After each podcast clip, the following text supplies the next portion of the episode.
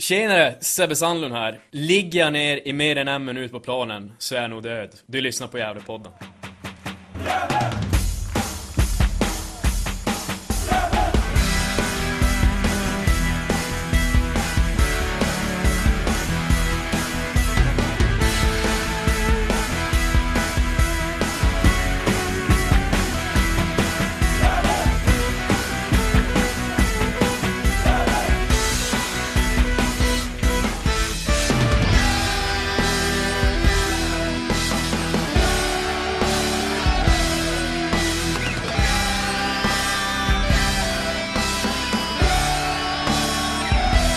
delen av Gävles historia ska vi prata om GIF på 1940 och 1950-talet. Det första jag tänker är att det finns paralleller att dra från den tiden till läget just nu. Idag är det coronakrisen som genomsyrar allt i samhället. På 40-talet var det kriget. Snart ska vi prata mer om de här åren med idrottshistorikern och före detta journalisten Ulf Krigan Kriström. Men först en summering. Jag heter Jimmy Morén och det här är Gävlepodden. Nu har fotbollen kommit igång igen i Sverige, men det är utan publik på matcherna och vi har gått miste om en hel vårsäsong. Under andra världskriget då spelade man matcher utan avbrott. Två dagar efter att tyskarna invaderade Polen och samma dag som Storbritannien och Frankrike förklarade krig mot Hitler så spelade Gävle IF seriematch mot Ludvika i division 2 på Strömvallen. Prosten Karlsson gjorde två mål för GIF, men det blev förlust med 2-3. Dagen efter var det kanske inte Gävle-matchen som var första sidestoff i tidningarna. Men fotbollen var ändå viktig för det svenska folket under de här åren. Ett exempel är att många spelare blev inkallade till sina regementen utan möjlighet till permission. Men ändå lyckades klubbarna få ihop lag och matcherna de spelades. Ett annat exempel är att man spelade extra många landskamper under krigsåren trots att de stora turneringarna ställdes in. Ett tredje exempel är att Svenska Kuppen startades. Så så länge Sverige inte blev direkt indraget i kriget så kunde fotbollen fortsätta. För Gävles del innebar det spel i division 2, serien under allsvenskan. Men samtidigt som Tyskland fick kapitulera i maj 1945 fick också Gävle IF ge upp sin division 2-plats och de degraderades till en serie med namnet Östsvenskan norra med lag som Södra BK, Örta-kolonin och Högbo. Efterkrigsåren blir svarta för Gävle IF. Det ska dröja över tio år innan man tar sig upp till division 2 på nytt och man pendlar mellan division 3 och division 4. Säsongen 1952-53 är man riktigt nära att gå upp i division 2. Endast fyra mål skiljer laget från uppflyttning. Men istället blir det nedflyttning till division 4 eftersom seriepyramiden görs om till efterföljande säsong.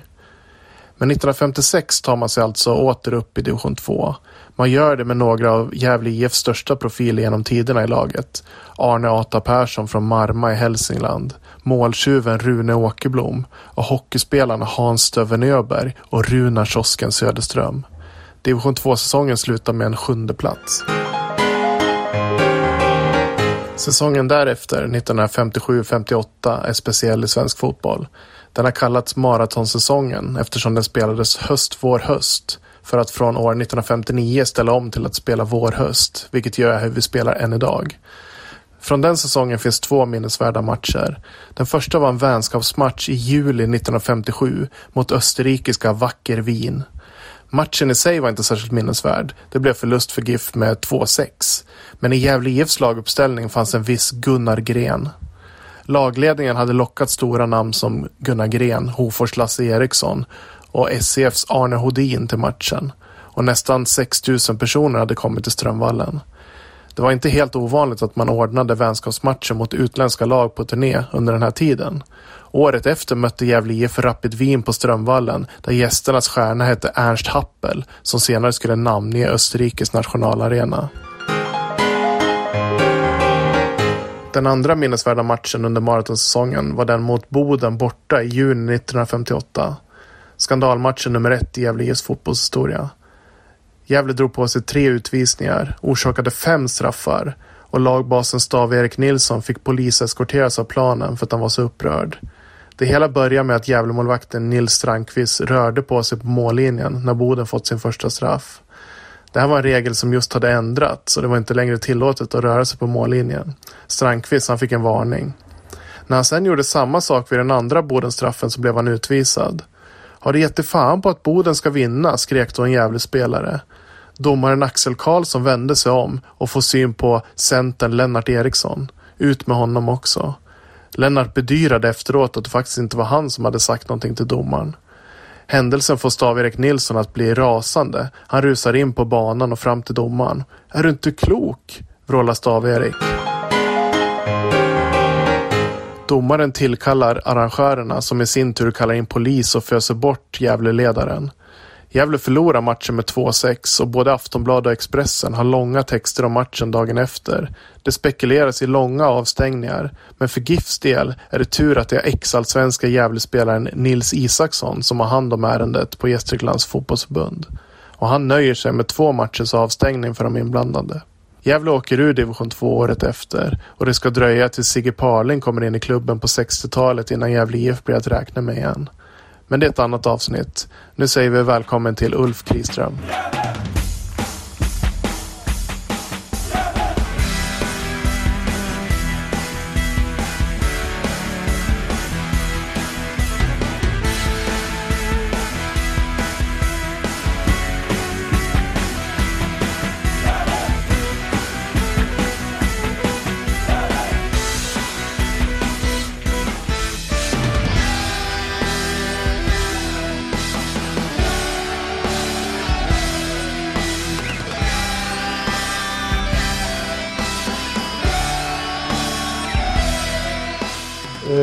Ja, tack ska du ha. Jag eh,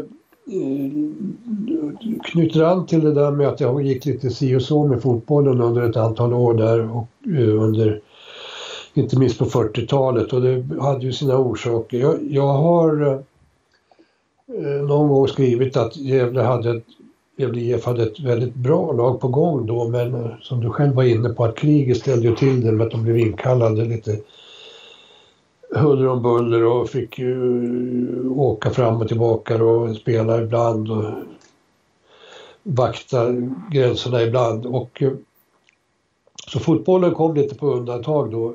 Däremot så var, hade ju eh, Gävle IF ett fantastiskt friidrottslag på 40-talet. Och det kanske jag var inne på förut, det var eh, så att eh, brandkåren fick en ny brandchef Eh, 1938. En kille som heter Sven Rolén och, och, som kom från eh, Karlshamn tror jag. Eller det var, det var Karlskrona. Jag tror det var Karlshamn. Och, eh, han, han hade en ambition att eh, eh, som brandchef då anställa raska unga män som kunde ta sig an bränder på bästa sätt. Och samtidigt så blev han eh, led, eh, ledare i Gävle IFs friidrott. Så han, hade, han fick, skapade den filosofin att om jag värvar eh, bra löpare framförallt friidrottare till klubben så, så får jag bra personal till brandkåren också. Och eh, Eh, framförallt var det eh, medeldistanslöpare som han värvade. Den första av alla, det var Gunder Hägg. Som eh, eh, kom från Albacken i Jämtland och fick anställning på brandkåren 1940 och började tävla för, för GIF då. Och han slog ju alla världsrekord som fanns. Han, han började med att vinna SM-guld 1941 och sen slog han världsrekord på 1500 meter eh, på, eh, med 3.47 och 6.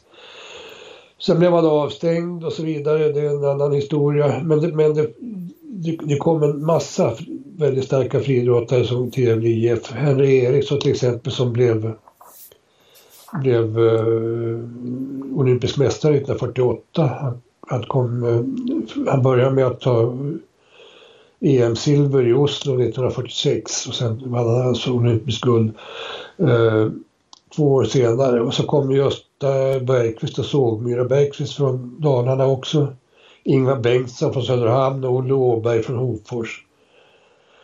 Eh, Erland Asplund och Sune Holsta Karlsson. Alla arbetar på brandkåren. Och av de där så finns det ju två med fotbollskoppling. Jajamensan. Henry Eriksson blev ju eh, han blev både tränare och ordförande i GE fotboll senare. En riktig eldsjäl. Guld-Henry Just det. Och Olle var ju tränare, han var väl eh, fystränare då på, på, un- under försäsongen och drog iväg ut i skogen med killarna. Och jag har faktiskt gjort eh, en annan A-lagsmatch också för GIF. Jaha, det var mer än jag visste. Det, men det var ju trevligt. Jag har för mig att han, att han eh, missade något, stor, något stort mästerskap eh, i början på 50-talet på grund av att han hade blivit, blivit skadad under en fotbollsmatch. Men det var ju så att man höll på med det mesta när man idrottade på den tiden. Det, precis, jag tänkte att vi ska komma in lite på det. det är ju, eh, under den här tiden så var det väldigt eh, mycket profiler i Gävles lag då, från 40, under 40 och 50-talet. Man höll ju på med flera olika sporter. Och det, det fanns ju då några spelare som eh, var mycket mer kända för andra sporter eh, under den här tiden. Till exempel Stöven Öberg var ju en av dem. Stöven Öberg var ju en stor idol på, framförallt på 50-talet och han var ju liksom jämbördig med Tumba, landslagsstjärna och, och han ledde ju eh, Gävlebo Templare under, under eh, hela 50-talet. Eh, en, en, en, han, var- han var inte så snabb, han var inte alls snabb, men jo, han var ganska snabb ändå fast det, det syntes inte men han var framförallt en, en klubbskicklig spelare. Och han spelade ju bandy också och eh, då fotboll på lite lägre nivå. Men han var- han vann SM i bandy med Skutskär. Och gjorde ju väldigt mycket mål i fotbollen också. Ja, Faktiskt. det gjorde han. Ja, han var en sån där boll, bolltalang. Han, han pratade inte så mycket men han var en skicklig bollspelare. Och han spelade i, databasen här så spelade han 74 matcher för Gävle IF och gjorde 50 mål. Ja, det här, men här finns det lite luckor ska man säga i databasen så är- man kan väl säga att det är minst 50 mål och minst 74 matcher. ja. Ehm, och för den yngre generationen så är han väl kanske eh, känd också för eh, sportbutiken va? Ja, ja. Det, han hade, ju- han hade ju... uh, han började på uh, Kungsgatan, hade två butiker. Först en uh, lite längre söderut och sen hade han en i, i, i Vanliga palatset i många år. Och, och när jag kom till Gävle 1960, det första jag gjorde var väl att cykla ner till Stövel Öbergs sportbutik och, och, och stå och stirra på honom där. Jag sa, inte, jag sa ingenting, men han sa inte så mycket heller, så vi stod och tittade på varandra ett tag. Sen flyttade ju han, sen var ju han en föregångsman även inom affärslivet, för han flyttade sin butik upp till Hemlingby. Det var den första eh, affären där uppe, Hemlingby köpcentrum, som, sen har byggts upp.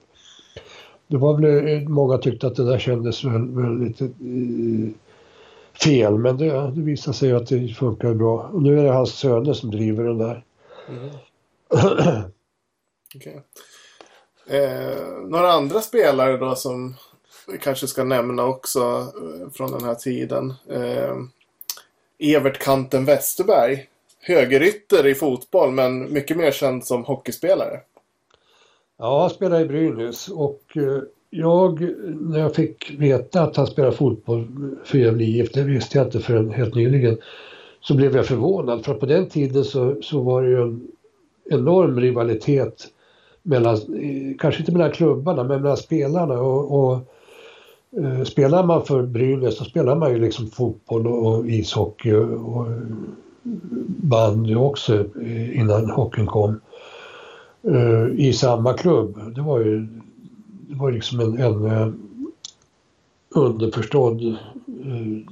kompis attityd. Att man skulle inte byta klubb inom stan. Men han gjorde tydligen det och, det var ganska ovanligt. Och han var ju han var ju en av de första stora hockeystjärnorna kan man säga kanske. Ja, han var med när de började spela ishockey 1940 och, och han tillhörde stjärnorna som Ebba Pettersson var en annan. Och de var, de var bra kompisar. Jag kan bara tänka mig vad Hebba sa när, när kanten skulle spela med Gävle IF. Och eh, det finns ju fler här med eh, hockeykoppling då. Vi har ju Åke Köjvas Nord Nordlander som spelar med Strömsbro och Runa Söderström som var med och vann SM-guld var med. Godis 1957. Ja, precis. Ja, just mm. Stövel vann ju, vann ju också, de vann, båda de vann ju SM-guld eh, 1957. Men Stövel var också med och vann VM-guld i Moskva 1957. Eh, med Lasse Björn och Rolle Stoltz och Tumba och Garvis Mete och de där. Mm. Ja, så han var verkligen en superstjärna. Köivas, eh, eh, att han spelar med Gävle IF, det, det, kan väl förklaras att Strömsbro var väl aldrig riktigt bra i fotboll. Så att eh, det var väl inte någon som, något, någon som reagerade för att han sökte sig till en högre nivå. Det mm. tror jag. Mm. Och, så det fanns, det fanns lite sådana här profiler. Sen fanns det ju de som var mest eh, kända för, för fotbollen. Och där finns ju några av de absolut största i Gävles fotbollshistoria. Och då tänker jag på eh, Hogga Karlsson bland annat då, som är den som har gjort flest mål för Gävle IF genom tiderna. Mm. Men den kanske bästa spelaren som har spelat, någonsin spelat i Gävle IF var ju också som största under 40-talet eh, Prosten Karlsson. Ja, han var ju, eh, han var ju speciell så. Han jobbade på kommunen och eh, han var väl 30, när han var 30 år och hade öst in mål i Gävle IF under, under ett antal år. Han var väl också vid fronten ibland så han, han kunde ha gjort fler mål egentligen än vad han gjorde. Men 1945 tror jag det var när han var 30 år, då gick han till AIK. Och gjorde väl 40 mål på 43 matcher då i Allsvenskan om jag minns rätt. Och han sa väl då att jag kanske skulle ha gjort det här lite tidigare, tagit det steget tidigare. Men han flyttade aldrig ner till Stockholm utan han pendlade var, varje gång till träningar och matcher från Gävle. Och, och hur det gick till då just i krigets slutskede, det är svårt att förstå. Det, var, det kan inte ha varit helt lätt och det måste ha tagit tid. Men så gjorde han. Han kallades för prosten. Du vet förstås varför. Ja, det har varit eh, olika eh, besked om det men den eh, historia som jag har hört, och jag tror att lillprosten har bekräftat den, det är att hans, han hade en bror som kom till skolan i en lång svart slängkappa och då tyckte kompisarna att eh, att han såg ut som en präst och, och då kallade de honom för prosten. Och det namnet fick alltså Erik då ta över. Och även då Stefan, lillprosten, då, eh, eh, Eriks son som blev is, ishockeystjärna istället i Brynäs. Mm. Ja, Erik Prosten Karlsson är när, när jag gjorde en intervju för Sven, med Sven-Inge Mark för några år sedan. Sven-Inge som är känd i Gävlekretsar som den kanske längste Gävle-supporten. Och det menar jag inte bara i strumplästen utan även i antal, antal matcher. Han började gå på fotboll på 30-talet och har väl sett i stort sett allting. Ja, han kommer väl att gå, gå den här säsongen också om man får. Ja, precis. Och han sa ju då när jag frågade vilken som är den största spelaren, eller den bästa spelaren i fotbollshistorien i Gävle IF så sa han ju Prosten Karlsson. Och kollar ja. man på lite siffror där. Jag, när jag gjorde, jag satt och grävde på Kungliga biblioteket efter en gammal statistik då till databasen. Det var ju lite som att läsa en gammal Buster-tidning för man... det var ju spelare som, som man bara hade hört namnet på men nu, det var som att följa dem då i varje match, i varje säsong och sådär. Och han var ju... Eh, han måste ju varit otroligt bra alltså för man varenda referat så nämns han som en av de bästa och att han låg bakom segern och sådär. Och han, han spelade ungefär 100 matcher för Gävle och gjorde ungefär 100 mål. Ja. Det, han, var ju, han hade lite otur för att när han stod på topp så var han ju samtida med Gunnar Nordahl. Och då var det ju lite svårt att bli landslagscenter. Men han spelade väl en landskamp tror jag i alla fall. Men det, var, Ja. det, var inte lätt att, det var inte lätt att konkurrera med Gunnar Nordahl som då var, blev eh, superstjärna i Milan. Nej. Precis, det är det, är det man har hört att eh, Prosten Karlsson var ju en av de bästa spelarna i, i Sverige men han det fanns inte plats på honom för, just för att han, han eh, konkurrerade med den bästa på den tiden. Ja, Eh, Så var det. Och eh, en annan stor profil under de här åren det var ju Rune Åkerblom. Mm. Som, som eh, är ju den som har gjort näst flest mål i Gävle IF genom tiderna. ja jag, har, jag, jag, jag har inte sett Ru- Rune spela vad jag kan minnas, men han var ju med i väldigt många år. Mm. Så jag vet inte hans målsnitt om, om det lever upp till Prostens riktigt, men, men det stämmer. Nej, det gör det kanske inte. Men han var ju en trotjänare och det är ju värt att uppmärksamma också. Absolut. Eh, jag nämnde lite grann där i, i början på inslaget att Gävle då hade en tränare eller lagbas tycker jag ofta man läser under de här. Jag tror inte man använde ordet tränare riktigt i de där åren.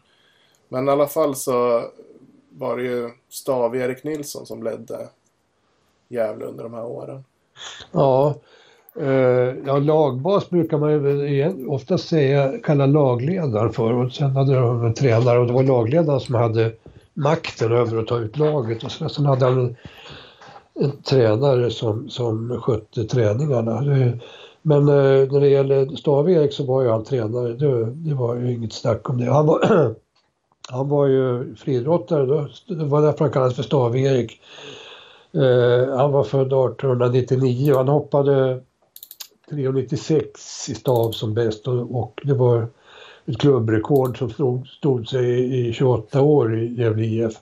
Och Gävle IF var ju den bästa stavhopparklubben i, i Sverige under början av 1900-talet. Men eh, alltså, Hassan var alltså en väldigt duktig friidrottare men det var framförallt som, som eh, en mångsidig får man säga och erfaren tränare och ledare som han gick till historien.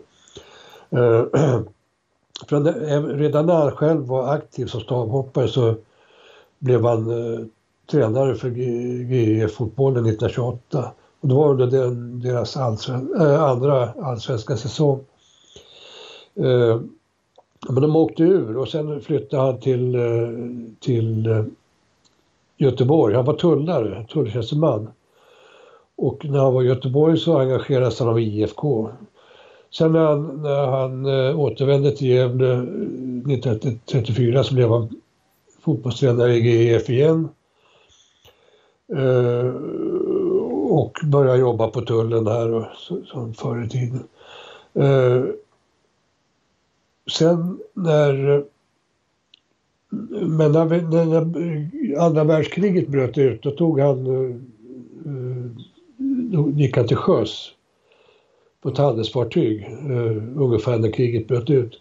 Och under första resan han, överhuvudtaget som han var med på så blev fartyget torpederat i Engelska kanalen. Och han var bara en av fem som överlevde. Han lyckades ta sig upp på en flotte och drev omkring i ett helt dygn innan han upptäcktes och räddades med förfrusna fingrar. Det var det enda bestående menet han fick av det där. Och då, det där, då ville han väl inte gå på sjön längre utan då återvände han till tullen och så blev han friidrottstränare i GIF. Och eh, jag vet att många, jag har pratat själv med, med eh, åtminstone med Gösta Bergqvist och han, berätt, han sa att Stav-Erik han hade sina sidor men, men han var en fantastiskt duktig tränare. Och det är flera av de där stjärnorna från den tiden som har delat med sig av äran till Stav-Erik. Han, han var en, speciell kille. Temperament eh, verkar han ha haft. Ja, det hade han verkligen. Eh, Jag har inga exempel på det, men jag vet att han... Jag vet, jag vet inte om du kände till den där matchen i, på bandyvallen i Boden. Jo, jo, jo, det, ja just det. När han blev eskorterad av polis då för att han... Han var inne egentligen och knuffade på domaren och skrek och sådär så domaren till, fick tillkalla polisen. alltså, Ja. ja. Nej men han, han, det är en stor liksom, profil och ledare i Gävle IFs historia. Ja, en av dem. En av Som man bör känna till, tycker jag. Sen blev han, ja, och sen blev han eh, fotbollstränare igen i Brynäs och så bytte han klubb 1958 eh, och började träna Huges friidrottare. Men då lyckades han bli osams med, med ledarna där också så han lämnade klubben eh, ett år senare. Och då snart, 1960 startade han själv en, en friidrottsklubb, IK Akilles, som han ledde fram till sin död. Jag tror inte att Akilles finns kvar längre men de hade många duktiga eh, både killar och tjejer på 60-talet. Mm. Vi har ju pratat lite om att det här var ju präglat och allt, eh, hela samhället lite grann som, som det känns som just nu med coronakrisen så präglar det precis allting i, i samhället. Och så var det ju med kriget där också. Men man höll ju igång med fotbollen och spelade matcher och sånt där. Hur, hur såg det ut i Gävle på 40-talet och hur var idrotten här då? Ja, jag var ju inne på det där med friidrotten men eh, sen får man väl säga att det fanns ju flera klubbar som var ungefär jämbördiga.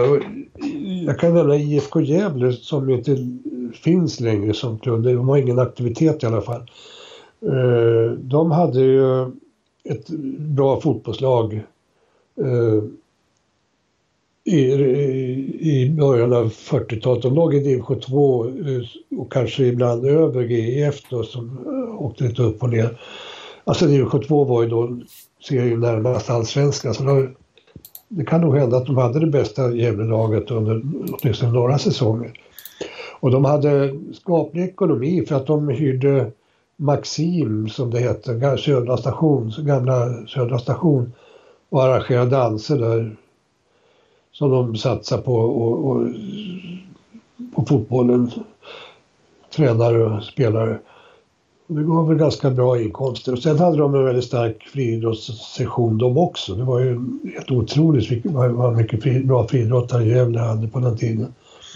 De, eh, eh, de hade, IFK hade bra långdistanslöpare. Henry Norrström och Gustav Östling. De sprang, båda sprang maraton i OS i Helsingfors 1952. Eh, och det, det, är väl svårt att tänka sig nu att, att uh, uh, en klubb i Gävle skulle få med två mm. personer i, i, samma tävling i ett OS. och det var, det var Strömvallen då man spelade ja. både fotboll och friidrott? Ja visst, det var det. Var det. Så hur, hur såg liksom Strömvallen ut på den tiden? Det var löparbanor runt och, och ja, läktaren var byggd i alla fall då för det, den är ju från 1923 va? Ja, 20, ja 25 kanske. Mm. Uh, och uh, jo då, det var, det var, det, allting hände på Strömvallen. Det, där firar man uh, svenska flaggans dag och massa sådana där saker. Och, och, och Eh, inte minst på vintrarna. Nu, nu, går jag framåt i tiden lite grann, men 1954 så var det bara under några korta februariveckor så ordnar man på Strömvallen så skiftande verksamheter som en bandylandskamp, en konståkningsuppvisning, en isracinggala och en nationell skridskotävling. Och, på sommaren var det då fotboll och friidrott förstås. Och cykel har, har de kört där också. Eh, varvlopp runt, runt uh, löparbanan. Mm. Sen på senare år så har ju har, har, har det varit konserter där också i samband med Cityfest. Mm. Så att alla höll till på Strömvallen. Mm. Ten, tennis, det fanns en tennisbana där också. Mm. Och Gävle åker ju ur då 1945 samtidigt som krigsslutet så eh, åker Gävle ur till division 3 och sen ner också till division 4 för första gången som ju då motsvarar dagens division 2, alltså fjärde, fjärde nivån. Ja.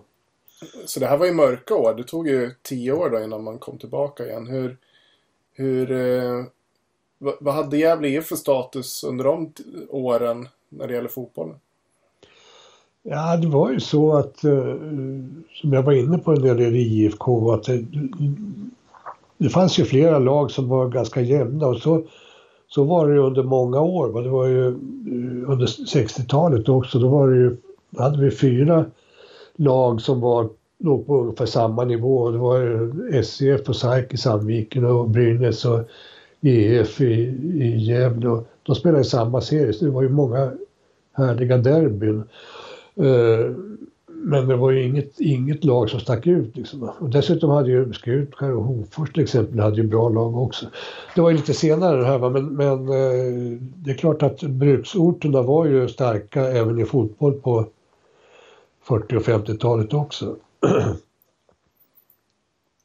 Forsbacka också. Precis, det var, det var väl det var väl först liksom på 60-talet där när Gävle började etablera sig igen. De hade väl, man kan säga att de hade haft två storhetsperioder innan då. Först när, när fotbollen drog igång i Sverige kan man säga. Som när jag pratade om i tidigare program då, runt sekelskiftet där. Ja. Och sen andra när Gävle då går upp i Allsvenskan i, i början på 30-talet. Eh, och sen efter det så ha, hade de ju en väldigt tung period då. Eh, innan eh, någonstans där i mitten på 60-talet när Gävle igen får en stor, stor period när Sigge Parling kommer in i laget kan man säga. Ja, Sigge Parling kom ju, kom ju in som eh, spelare först då i början på 60-talet. Sen blev han ju tränare. Han var spelande tränare och tränare. Och det var ju 1965 då som skulle kvala sig upp i Allsvenskan. Men det, de hade inte marginalerna med sig då. Riktigt. Nej, och det, det, det, är ett helt avsnitt vi kan prata om. Den, det finns ju fantastiska historier från, från det kvalet. Det är, ja. väl, det är väl kanske det största som har hänt eh, fotbollen i Gävle, det kvalet. Även, de, även om man räknar in de allsvenska åren på början på 2000-talet så eh, har det ju aldrig varit, fotbollen har väl aldrig varit hetare än det var just då. Nej, så kan det vara. Det, är, det är svårt att jämföra men det, jag borde ju kunna det som jag var med redan då men eh, eh, jag kan hålla med om att det var väldigt intensivt då med, med fotbollen. Men 50-talet, de, de tar sig då tillbaka i alla fall till division 2 med de här hockeyspelarna framför allt. Vi kan nämna även eh, Tommy Öström som var med då och eh, eh, Ove Eidhagen var bandyspelare, väldigt duktig eh, fotboll också. Runa Söderström var en annan. Så det var många sådana här spelare. Ata Persson då, som jag nämnde i början också är, eh, var ju väldigt eh, betydelsefull för Gävle under många år. Han spelade väldigt många år för, för Gävle, kom från Hälsingland. Ja, precis som jag. Som hade ju många profiler liksom. Och många då hockeyspelare och kända från andra sporter då som då tar upp Gävle igen i, i division 2 där i 50, ja. ja, slutet på 50-talet. Ja. Uh, ja, så var det och uh, du, du nämnde Tommy Öström, det, det var ju också man kan ju jämföra honom med Stövel Öberg och även om de inte alls var lika i, i sin framtoning och, och, och, spelstil men eh, båda var ju extrema bollgenier och Tommy spelade också Tommy var ju mer framgångsrik faktiskt än vad Stöber var så tillvida att han spelade ju allsvenskt i, i tre sporter. Nämligen eh, hockey med Brynäs, fotboll med, med eh, Sandviken och bandy med eh, Huge tror jag var. Jag ska inte svära på det men jag tror det var Huge. Så han var, han var historisk. Mm. Ja, de här profilerna de det kan, vara, det kan vara bra att nämna dem ibland tycker jag. För att vi, det är lätt att glömma bort alla de här som har spelat för Gävle IF som... Ja.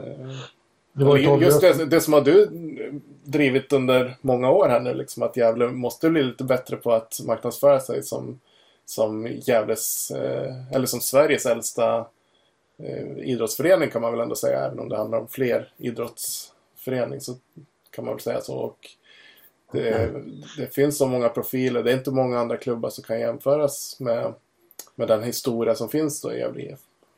Nej, så är det absolut. Eh, nej, men det, det, det blir så ofta glömt det där med, med historien eh, och eh, att, att vi faktiskt har Sveriges äldsta idrottsförening i stan. Man, man får bortse från Uppsala simsällskap och de här och, och, och um, skyttegillena. Utan det, uh, liksom det, det är en riktig idrottsförening och, uh, som har haft alla möjliga börjar med rodd och allt möjligt. Så att det, det, det, det är någonting som vi inte får glömma någon gång. Nej, och det är någonting som är liksom en styrka i en klubb. Det här med identitet som ju under de här senaste, eller de allsvenska åren här nu på 2000-talet så har man väl profilerat sig lite grann som tråkiga Gävle. Att vi, ja. Att vi slog, slog underifrån och det var alltid lite kul att Gävle kunde plocka poäng av storlagen med sin, tack vare sin ja, taktik och Pelles eh, finurlighet kan man väl säga. Ja. Eh, så, så där skapade man en identitet. Men eh, om man ska bygga någonting på, på lång sikt och bygga upp eh, Gävle IF som en förening som, eh, ja, men är, som är att räkna med liksom, som har kanske inte ett underformperspektiv. Då kanske man ska lyfta mer då på historien. Ja, jag, jag, tycker, jag retar mig alltid på det där när man sa att jag Gävle gör det bra efter sina resurser. Och då tänkte jag, varför ska de ha sämre resurser än några andra? Det är ju, vi är inte någon småstad direkt. Det är inte Nej. Eh, Sandviken eller Falun utan det är en av... Vi har alla möjligheter att skapa resurser. Absolut. Så är det. Eh, ja, vi ska väl runda av, men jag tänkte jag skulle nämna en händelse som jag inte fick med i början där. Eh, som hände då på natten till eh, den 7 oktober 1951. Vet du vad som hände då? Uh, ja, det, nej, det tog du mig på borgen. Jag kommer inte på vad det var. Nej, jag vet säkert. Det, det, var inte en så stor händelse, men det var stort för Gävle IF. Det, var, det brann på Briggen Gärda. och eh, eh, i och med att de flesta i Gävle IFs lag då jobbade på, som du var inne på, var brandmän. Så innebar ju det här att de var tvungna att eh, jobba på att släcka den här branden under hela natten. Och tidigare, det var en lördag det här, och tidigare på eh, den lördagen då så hade det varit flera olika sådana brandtillbud. Och, så de fick jobba hela natten och dagen efter så skulle de spela match. Hela gänget. Och det gick ju faktiskt ganska bra. Jag tror till och med de vann den här matchen dagen efter. Men eh, i tidningarna så handlade det ju om eh, den här händelsen då. Att eh, man var imponerad att Gävle spelare kunde hålla ihop och spela fast att de inte hade sovit. Ja, just det. Eh, Ata Persson var och jobbade på brandkåren, det kommer jag ihåg. Jag är ganska påläst när det gäller Brigegärda men eh, det där kände jag inte riktigt till förrän vi pratade om det, du och jag. Nej, precis. 10-07. De vann faktiskt med 2-0. Mot? Ja, det var, det var mot Långshyttan. Ja. Var det. Okay. Och det här var ju nere i division 4 då. Men det skrevs ju. Det var ju faktiskt en av de matcherna. Det är svårt att få ta på mycket information från de här åren. Men just uh, den matchen finns det lite om då. Just på grund av den händelsen. Ja. Så det finns lite sådana här historier som man... Uh, jag skriver ner dem ibland och ska vi försöka samla dem framöver. Uh, sådana som, som sticker ut lite grann. Uh, ja. Förhoppningsvis så kan jag väl få ut databasen på nätet framöver. Det vore roligt att kunna göra offentligt så att alla har tillgång till den framöver. Och kanske komplettera med lite texter. Du har ju skrivit en del och det finns i GDs arkiv mycket eh, bra texter om historien. Och, eh, jag har lite också sånt som jag har hittat då när man gräver i arkiven. Det skulle vara kul att eh, kunna få ut det där till allmän beskådan. Ja, det ser vi fram emot. Sikta på det. Och även Andreas Johansson som både du och har haft mycket kontakt med som var både, både spelare, han var målvakt faktiskt i Gävle på 90-talet. Och mm. eh, sen har han varit läkare för Gävle. Han har ju en stor samling eh, bilder. Ja. Bilder på de allra flesta spelarna som har spelat med Gävle IF. Så det vore kul att ha med det också. Vi får övertyga Andreas om att det är en bra idé. Ja då, det finns mycket att ta tag i.